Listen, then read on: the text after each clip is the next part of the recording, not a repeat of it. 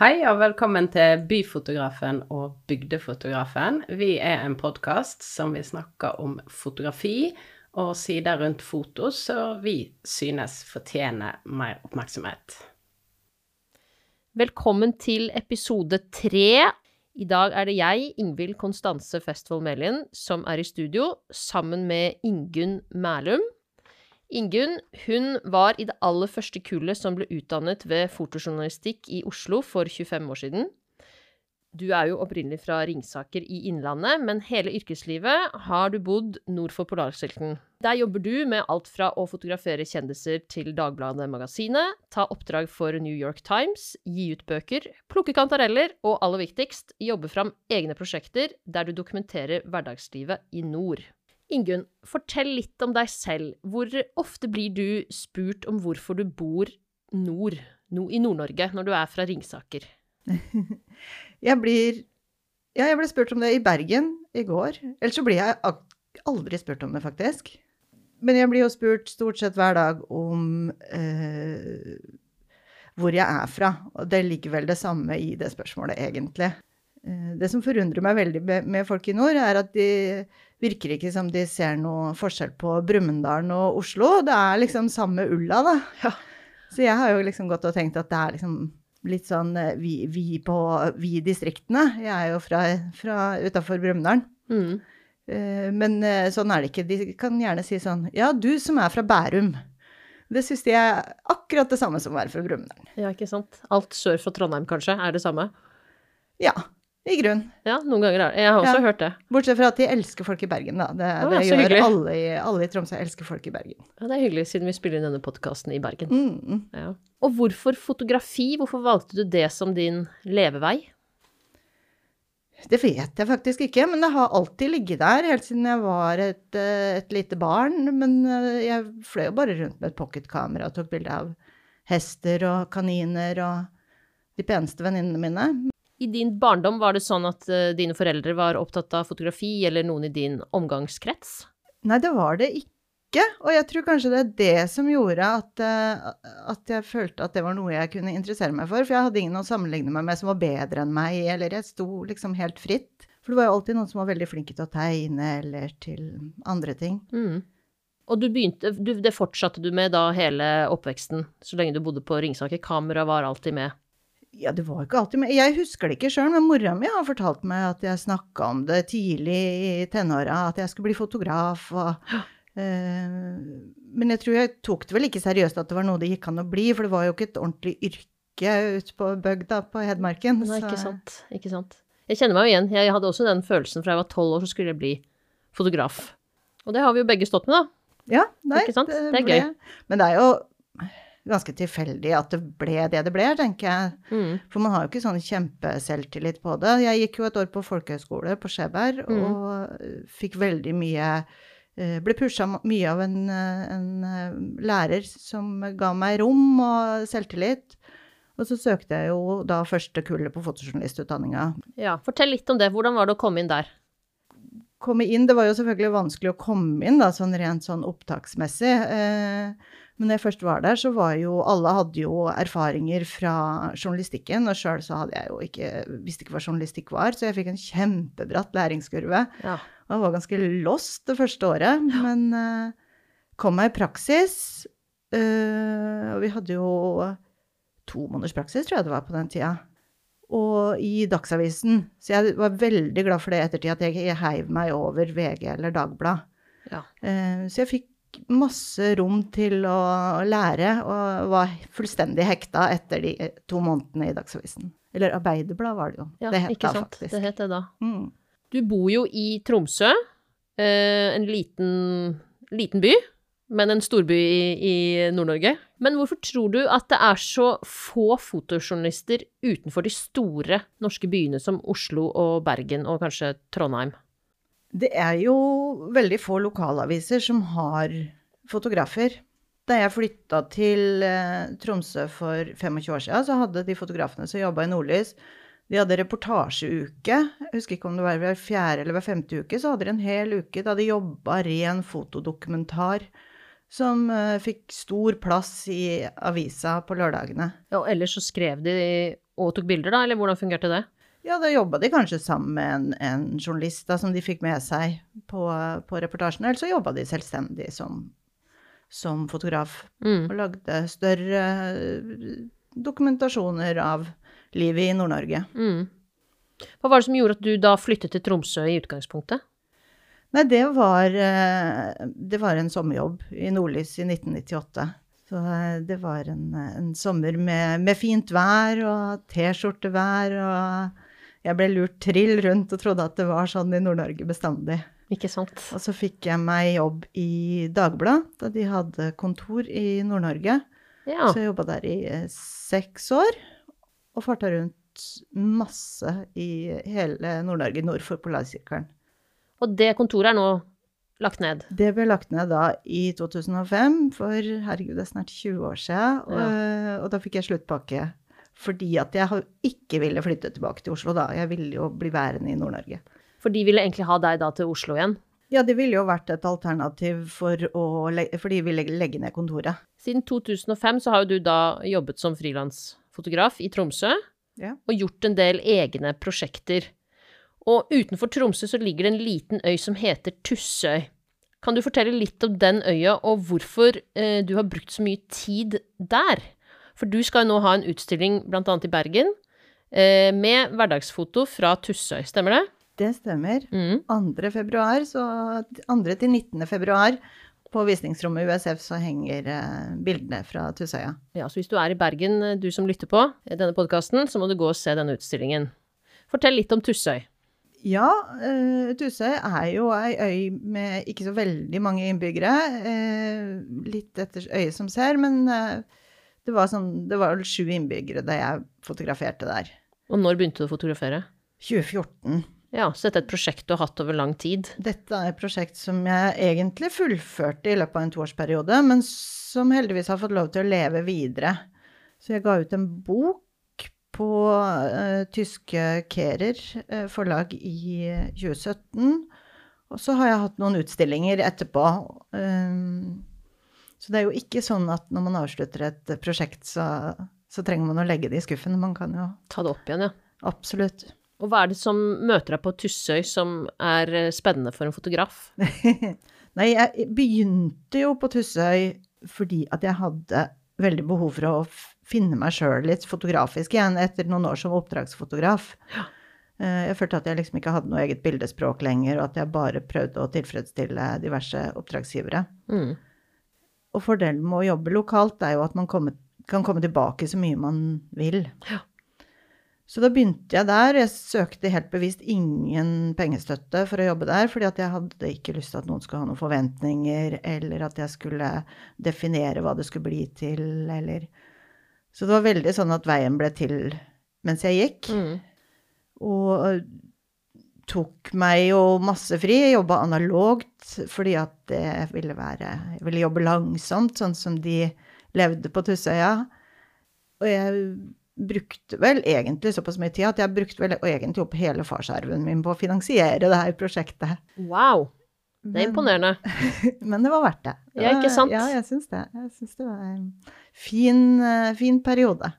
Og de som bor på Tussøy, som da er med i dette prosjektet, har de opp, eh, Har du noe inntrykk av hvordan de har opplevd et slikt fotoprosjekt? Ja, eh, eh, enkelte av de syns nok at det var mye viktigere å ha noen å skravle litt med enn en, De var ikke så veldig opptatt av at de var fotografert, egentlig. Mm. Men det var mange som var litt selskapssjuke, selvfølgelig. Ja, når det bor sju stykker der, så er det jo fantastisk at det kommer en åttende person. Du sa at uh, du har gitt ut bok om prosjektet, og du har hatt flere utstillinger. Kan du si litt mer om det? Da jeg bestemte meg for å lage bok, så handla det mye om at jeg følte at de bildene jeg hadde, egentlig sto sammen som en serie. At, at, at jeg har egentlig ikke fot- fotografert enkeltmotiver, men jeg har fotografert en helhet. Mm. Eh, og da begynne å stille de ut, så må man jo da begynne å, å redigere bildene på nytt da, og prøve å sette det sammen. Og man ser jo at man forteller jo helt nye fortellinger eh, for hver gang man har en, en eh, ny edit. Ja. Det kjenner jeg meg veldig godt igjen i. Eh, så da ble det først bok, og så utstilling, stemmer det? Det stemmer. Ja. Og det tok egentlig ganske lang tid fra den boka kom til eh, det ble noen utstillinger. Jeg hadde en, var med i en stor gruppeutstilling i Tyskland eh, og hadde 14 fotografier der. Men det var jo da ikke min edit, det var da det museet som hadde gjort den editen. ja. Og med edit så mener du da altså kuratering, på en måte? Ja. Ja. Et utvalg eh, bilder og rekkefølge, da, selvfølgelig. og, ja. Men dette med å vise bilder fra et sted som, der det bare bor syv personer, og til igjen tilbake til dette med å være utenfor storbyene, altså hvordan blir et sånt prosjekt tatt imot, da, eksempel i Tyskland? Det å, det å da være fotojournalist og vise et samfunn som er veldig langt fra det veldig mange andre lever. Har du tenkt på, tenkt på det? Ja, altså jeg har jo snakka med en del folk som bor eh, langt utafor Norges grenser. Eh, og det som jeg syns jeg kanskje noe av de hyggeligste komplimentene, har jo vært at folk kjenner seg igjen da, i en landsby, om det er en landsby i Midtøsten, eller om det er en landsby i England. Så, så får de litt samme følelsen, da. Mm. Jeg tenker i hvert fall når jeg jeg har, også, jeg har også hatt noen bokutgivelser og fotoutstillinger, og som fotograf Altså mitt, mitt kall, eller mitt oppdrag som fotograf, er jo å vise andre eh, en verden de kanskje ikke har sett, da. Så man drar jo, i hvert fall før jeg fikk barn, så dro jeg veldig ofte til andre, til andre steder, både i Norge og i utlandet, som ikke alle har vært før. Nettopp for å på en måte vise Ja, være litt sånn øyeåpner for andre, da. Er det noe du uh, tenker på i dine prosjekter? Ja, det er jo klart jeg tenker på det. Eh, Jeg føler jo egentlig en liten sånn forpliktelse til å fortelle ting fra nord, for det er jo veldig lite dokumentarfoto fra Nord-Norge som vises. Jeg tror 90% av de oppdragene jeg får, er rene portrettjobber. Det er veldig lite reportasje og veldig lite dokumentar, og det gjelder sikkert for hele landet. Men ettersom vi er ganske mange færre som jobber i Nord-Norge, så blir det jo få fortellinger som er fra den samtida vi er i nå. Og museene er jo kjempegode på arkivering, eh, men de må jo ha noe å arkivere. Ja. Så Og- da føler du at, at uh, mangler det en brikke, på en måte? Eller altså, du sa jo det at du føler en forpliktelse til å dokumentere det som skjer i nord, men du kan jo ikke dokumentere alt, selvfølgelig. Du kan jo ikke være alle steder samtidig. Så tenker du sånn historisk sett at det vil mangle en, en brikke eller en del fra, fra Nord-Norge som man kanskje får dekket lenger sør, da, siden vi er flere fotojournalister i Sør-Norge? Ja, jeg vet ikke om man får dekket det lenger sjøl, man får vel dekket det kanskje i de større byene. Men, Mm. eh, men jeg tenker jo at det er Det gjelder egentlig over hele landet, eller overalt det der med at man har dårlig tid, så det blir mye, mye portretter, da. Ja. Men det er jo også det at dokumentarfoto på en måte havner mellom flere stoler, hvis det er noe som heter det. At Mm. de er uh, på en måte ikke helt inne i kunstverden, sånn at de, det er vanskeligere å få støtte til eh, fotoprosjekter fra eh, kunstsida. Eh, og samtidig så er jo ikke avisene villige kanskje til å bruke så innmari mye penger på reportasjevirksomhet. Det er jo en langsom, langsom prosess som er tidkrevende og ressurskrevende. Absolutt. Så mens kanskje faglitterære forfattere har mulighet til å søke skrivestipend, så sitter vi kanskje og får dekt inn produksjonskostnader gjennom fantastiske fritt ord, men det blir ikke så mye igjen til lønn. Så jeg føler liksom at dokumentarfoto i Norge i stor grad er gjort på dugnad. Ja, det kan, det kan godt hende at det stemmer, altså. Og vis, tall viser jo at eh, det blir ikke veldig ofte ansatt fotografer i norske lokalaviser og, og nasjonale aviser heller. Det, det er jo ofte de som kuttes først. Ja, det blir jo, det blir jo overskrifter i eh, Journalisten og Medie24 hvis det er en fast ansatt, ansettelse av en fotograf. Det gjør det. Og det har ikke skjedd så mye. I hvert fall her i Bergen så vet jeg bare om én eller to de siste fem, seks, sju årene som ble fast ansatt som fotograf. Litt tilbake til det med hvilke historier som vises fra Nord-Norge og ikke. Føler du at det er du som fotograf som bestemmer hva du skal ta bilde av, eller er det dine oppdragsgivere fra nasjonale aviser som bestemmer det? Det vil jo være begge deler. Det er klart at mye, mye blir jo bestemt i, i et konkret oppdrag. Eh, og jeg opplever jo av og til litt sånn mindre fagblader som f.eks. kan si nei, nå har vi hatt to reportasjer fra Nord-Norge i år, så nå kan vi ikke ha flere. Ja. Mens de da kanskje har ti reportasjer i hvert nummer fra Oslo. Mm. Men eh, ja, jeg føler at man har en definisjonsmakt i måten man forteller ting nordfra. Ja. Eh, absolutt. Og jeg ser jo selvfølgelig også at etter at jeg har bodd der nå i 25 år, at jeg har litt større kunnskap, og at jeg viser ting litt annerledes enn jeg gjorde da jeg hadde bodd der i et år. Som fotograf så er det jo noen ganger man tenker at dette går ikke lenger. Har du, har du i din yrkeskarriere vurdert å gi opp?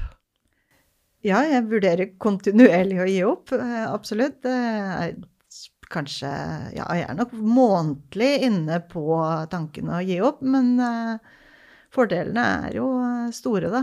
Hvorfor tenker du at du skal gi opp, da? Nei, det er jo rent økonomisk, selvfølgelig. Det, Ja. Jeg er jo av de som lever fra hånd til munn. Eh, absolutt. Og du har gjort det da de siste 25 årene? Jeg har gjort det siden 2005, da, så det blir jo Ja, nesten 20 år. Ja, 18 år. Ja. Mm. Mm. Men så viser det seg at det går jo bra, da, siden du fortsatt uh, fortsetter. Ja, på mystisk vis. Det er jo det er alltid noen sånn tomånedersperioder eh, hvert år eh, hvor det alt ser helt fullstendig svart ut. Eh, dessverre så er det ikke akkurat på samme tidspunkt i året, sånn at jeg kan liksom ikke Du kan ikke forberede deg hvert år. Nei, jeg kan ikke det. Nei. Men vi, disse fordelene du nevnte, hva er, hva er fordelen som overgår da de negative sidene? Jeg vet ikke. Jeg, eh, jeg ser liksom ikke noe alternativ, da. Jeg prøver jo hele tiden å finne en plan B og finne et annet yrke. og Lese litt sånn annonser på Nav, og, men det, det er jo ingenting annet jeg har lyst til. ikke sant? Så det vil jo, det vil jo føles som en, en stor, stor sorg den dagen jeg finner ut at jeg eh, må gjøre noe annet. Så den identiteten man har som fotojournalist, den sitter dypt i. Den sitter veldig dypt, og det er egentlig veldig rart, for når jeg begynte på fotojournalistutdanninga og ikke hadde noe forhold til, til journalistikk enda, eh, så var det jo foto jeg ville drive med. Eh, men nå er det, og sjøl om jeg faktisk nå også jobber Jeg kan ikke leve av bare journalistikk nå, eh, men allikevel så er det, er det journalistikken som sitter i meg som en, eh, som en djup del av meg. Hva er det beste og det verste, da, med å være fotograf? Altså, det er jo, det er jo selvfølgelig alle disse menneskemøtene og sånn er jo fantastiske. Men det som Der jeg alltid sitter igjen og er liksom dypt, dypt takknemlig, det er når jeg har vært utendørs en hel dag på jobb. Det at jeg ikke har en ren kontorjobb, men at jeg har mulighet til å være ute. Og bortsett fra eh, noen fotballkamper opp gjennom åra, så er, har jeg aldri vært misfornøyd med en dag utendørs. Uansett om det er kan være kjempevanskelig å fotografere når det er forferdelig vær og øh, alt er vått og jeg er våt og kald, og øh, så er det bare helt magisk hver gang. Jeg kjenner meg igjen der, altså. Og det verste. Nei, det verste er jo da når man har med seg en journalist som ikke liker å være ute. Og som selvfølgelig bare vil inn, og bare maser om å gå inn igjen. Ikke sant? Er dette da journalister som bor i Nord-Norge, eller er det journalister som da kommer sørfra ens ærend for å jobbe med deg? Nei, det er jo stort sett folk som kommer sørfra. Jeg jobber jo nesten utelukkende for eh, nasjonale medier, og de holder jo til i Oslo stort sett. Men det er klart, det er jo også nordlendinger som har flytta til Oslo, som har eh, glemt hva dårlig vær er for noe. Apropos det med dårlig vær, jeg antar at eh, det er samme som på Vestlandet, at dere i Nord-Norge må ha gode klær. Og jeg hørte at eh, du en gang opplevde å gjøre en tabbe da du var på jobb i Oslo. Ja, det her var jo i min praksistid i, i Arbeiderblad. Og jeg var nyforelska, og sommeren var varm, og jeg dro på jobb i bitte liten minikjole og eh, høye platåsko. Ja, Noe jeg nesten aldri har hatt på meg, verken før eller siden, men det er nå så. Og så ble det utrykning. Det var en alvorlig klatreulykke oppe i Oslomarka. Og jeg kjørte da til en bom hvor jeg måtte stoppe, og så måtte jeg da springe flere kilometer innover i skogen i de her platåskoene. Eh, og rakk selvfølgelig aldri fram. Det hadde jeg vel ikke gjort om jeg hadde hatt på meg bedre klær heller. Men den skammen jeg kjente på når jeg stoppa folk inne i marka der og snakka med dem på veien, det var grusom. Jeg kan fortsatt kjenne det i magen når jeg tenker på det. Den følelsen, ja. Ja. Ja. Jeg er jo vokst opp på Hedmarken. Man skal jo være praktisk. Ja. Så, så skammen ved å være jålete og upraktisk er stor. ja. Så du har aldri møtt opp på jobb i platåsko og minikjole etter det? Aldri. Nei. Eh, nei, og det er klart, i, i Nord-Norge så, så kan det jo dukke opp varsel om hva som helst slags vær. Ja. Så du har alltid på en måte, du er alltid beredt, du har alltid bilen full av uh, klær, på en måte? Alltid bilen full av klær, det lærte jeg jo i nord. Du da jeg jobba i Dagbladet, så skulle du jo være rykkeklar uh, 365 dager i året, 24 timer i døgnet. Nå var det kanskje verdens dårligste kontrast, kontrakt jeg hadde. Med, jeg var jo bare ansatt i 50 Ville kanskje Ja. ikke stått seg i dag, Nei. men, eh, men eh, ja, jeg var alltid klart med utstyr og klær og tannbørste for å kunne være i Finnmark eh, på veldig kort varsel. I tillegg til gode klær, så er det jo veldig mørkt i Nord-Norge store deler av året. Og det er jo, kan jo være en utfordring for mange fotografer. Kan du dele rett og slett dine beste tips eh, for å fotografere i mørketiden? Ja, altså mitt aller beste tips for mørketida, det er å legge all søknadsskrivinga til mørketida og fotografere resten av året, tror jeg. Ja. Men eh, nei, jeg er ikke sånn Jeg syns mørketida er oppskrytt. Eh, veldig mange lokale som eh, sier at mørketid er fargetid, og de legger ut uh, bilder av eh, flammende hi- himler midt på dagen. Men, uh, men jeg syns det er veldig vanskelig fordi at jeg fotograferer folk, da. Du er egentlig ganske avhengig av blitt, så det er jeg jo heller ikke noe glad i. Mm. Så jeg, jeg syns mørketid er oppskrytt. Kjempefint å fotografere sånne julebelyste traktorer og gravemaskiner og sånne artige ting.